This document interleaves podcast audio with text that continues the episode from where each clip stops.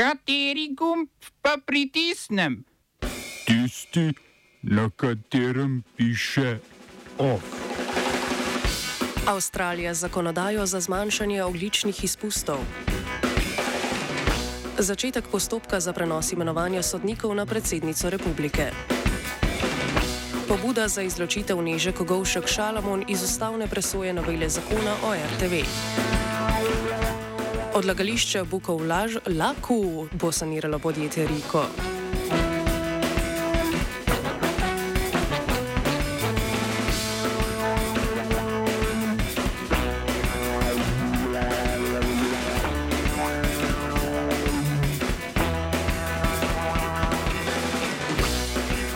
Avstralski parlament je sprejel zakonodajo, po kateri naj bi država do leta 2030 zmanjšala oglične izpuste za 43 odstotkov glede na izpuste leta 2005. Svežen zakonov zadeva 215 največjih industrijskih obratov v državi, od katerih letno vsak proizvede približno 100 tisoč ton toplogrednih plinov, skupaj pa so odgovorni za 30 odstotkov vseh avstralskih izpustov oglikovega dioksida. Po zakonodaji bodo največji onesnaževalci morali izpustiti izpuste zmanjšati za 5 odstotkov na leto ali plačevati za oglične kupone. Nov zakon je nastal kot kompromisni dogovor med zelenimi in laboristi, ki vodijo vlado. Laboristi so zavrnili predlog zelenih, ki bi prepovedal nova vlaganja v fosilna goriva.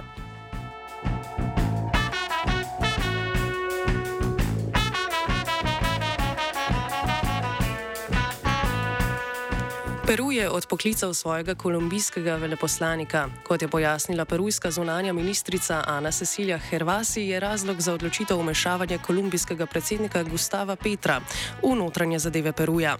Na Ibero-ameriškem vrhu v Santo Domingu, prestolnici Dominikanske republike, je Petro dejal, da bi moral biti na vrhu prisoten tudi razrešeni perujski predsednik Pedro Castillo. Decembra je Castillo razrešil kongres in je pristal v zaporu, njegova odstavitev pa je Petro označil za državo državni udar. Diplomatski odnosi med Perujem in Kolumbijo so sedaj na ravni odpravnikov poslov. Kritike mehiškega predsednika Andresa Manuela Lopesa Obradorja, ki jih je namenil sedajni perujski predsednici Dini Boluarte, so konec februarja botrovale temu, da je Peru odpoklical svojega veleposlanika v Mehiki. Zaradi diplomatskega spora je zato zastalo delo pacifiškega zavezništva, gospodarske povezave Čila, Peruja, Kolumbije in Mehike, saj Lopes Obrador izmenjujočega se predsedovanja zavezništvu ne želi predati Boluarte. Ta je pred perujskim kongresom zaprisegla po odstavitvi Kastilja. In na evakuaciji Boluarte so sledili protesti, ki sta jih nasilno, tudi s smrtnimi žrtvami, zadušili policija in vojska.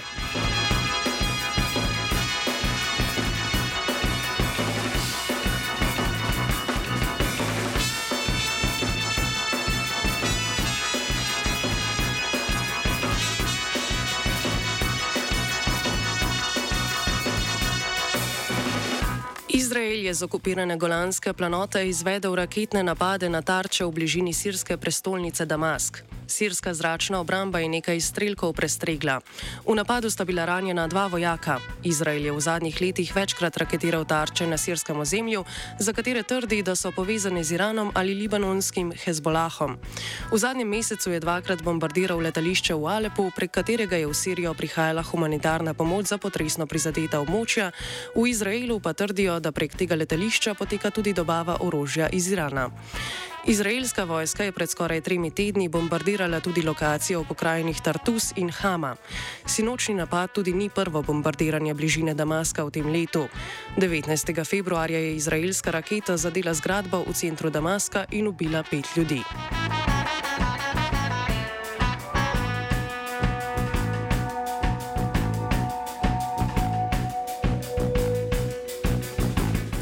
Nemška vlada je sprejela predlog nove, nove zakonodaje, ki bi uvedla točkovni sistem za sprejem migrantov. Primernost tujcev za bivanje v Nemčiji bi točkovali po petih kriterijih: po izobrazbi oziroma kvalifikacijah za delo, znanju nemškega jezika, delovnih izkušnjah, obstoječih vezih v Nemčiji, naprimer sorodniških in starosti. Predlog je po trditvah vlade namenjen zmanjšanju primankljaja kvalificirane delovne sile v Nemčiji. Zakonodajo mora sprejeti še Bundestag.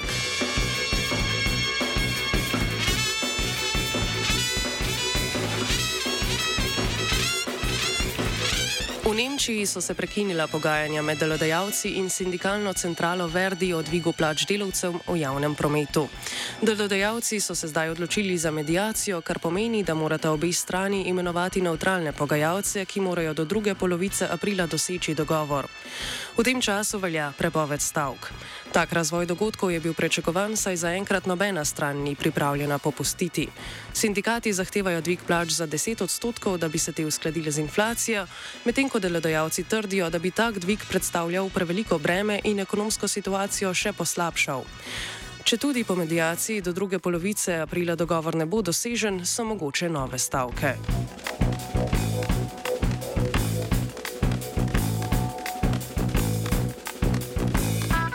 Pragi je potekal protest proti vladni napovedi, da bo zvišala upokojitveno starost z 65 na 68 let. Organizirali so ga sindikati in opozicija na čelu s stranko ANO nekdanjega premijeja Andreja Babi Babiša, protimigransko neposredno demokracijo in komunistično stranko. Pokojninska reforma še ni v zakonodajnem postopku, vendar je njene nasprotnike na ulice pognala že odprava samodejnega usklajevanja višine pokojnin z inflacijo. Ta je februarja znašala skoraj 17 odstotkov, vlada Petra Fiale pa je sedaj zgornjo mejo zviševanja pokojnin določila pri dobrih dveh odstotkih. Cilj reforme je znižati primankljaj v pokojninski blagajni.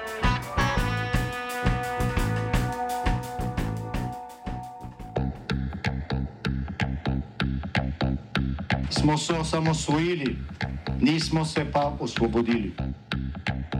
Naslednje število je še 500 projektov. Izpiljene modele, kako so se strani nekdanje LDS rotirali. Ko to dvoje zmešamo v pravilno zmes, dobimo zgodbo o uspehu. Takemu političnemu razvoju se reče udar. Jaz to vem, da je nezakonito, ampak kaj nam pa ostane? Brutalni obračun s politično korupcijo. To je Slovenija, tukaj je Slovenija, Ustavna komisija državnega zbora je z enajstimi glasovi za in petimi proti sklenila začeti postopek sprememb ustave, po katerih bi bile pristojnosti imenovanja ustavnih sodnikov prenesene z državnega zbora na predsednico republike. Predlog so septembra lani vložile koalicijske stranke. Po mnenju predlagateljev bi se s tem depolitiziralo imenovanje ustavnih sodnikov, saj bi bila predsednica pri odločitvi vezana na sodni svet in bi lahko kandidata zavrnila le, če bi ugotovila, da ne izpolnjuje pogojev. Za sprejetje ustavnih sprememb je potrebnih 60 glasov državnega zbora, za kar koalicija potrebuje tudi glasove opozicijske Nove Slovenije.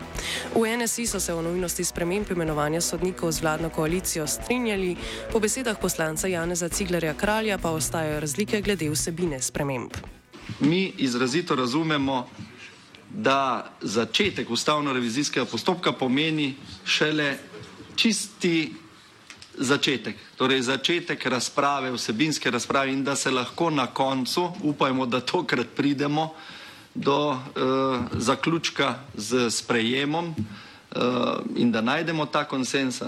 Menimo, da pač s tem bi bilo vredno začeti in začeti iskati konsens na drugih področjih. No, druga razlika, ki jo vidim med predlogom koalicije in predlogom Nove Slovenije, uh, je pa Potem, da smo si mi predstavljali, da bi predsednika vrhovnega sodišča imenoval državni zbor na predlog sodnega sveta in seveda smo si mi tudi predstavljali, uh, skoraj neločljivo si predstavljamo še vedno, da je del te spremembe, torej imenovanja sodnikov, uh, tudi sprememba sodnega sveta, torej sprememba 131.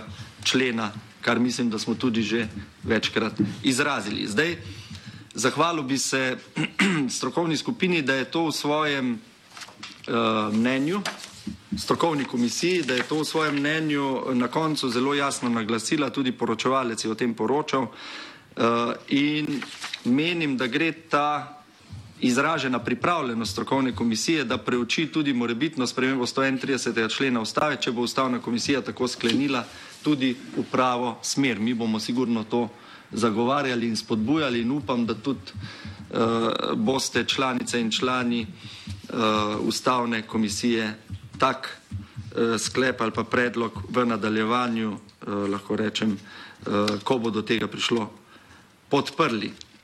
Zdaj, uh, morda samo omenim, zakaj je za nas sprememba sodnega sveta pomembna. Uh, menimo, da, bi, da je potrebno v sestavi sodnega sveta zagotoviti eno ravnovesje. Več vodilnih na RTV Slovenija s prvo podpisanim vršilcem dolžnosti predsednika programskega sveta Petrom Gregorčičem je vložilo predlog za izločitev sodnice Nežeko Govšek Šalamon iz postopka ustavne presoje novele zakona o RTV Slovenija. Predlagatelji sodnici očitajo na vzkrižje interesov, ker je opravljala dopolnilno delo na Mirovnem inštitutu, ki je sodelovalo, sodelovalo, a, o Madonna, sodeloval v kampanji pred novembrskim referendumskim glasovanjem o noveli.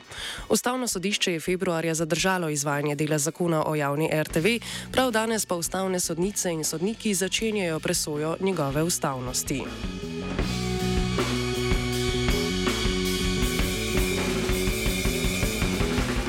Ministrstvo za okolje, naravne vire in energetiko je za izvedbo sanacije odlagališča odpadkov Bukov žlaku na javnem razpisu izbralo ponudbo podjetja Riko. Ta znaša 6,7 milijona evrov, kar je najdražja ponudba izmed treh prejetih, a je po pojasnilih iz okoljskega ministrstva edina dopustna.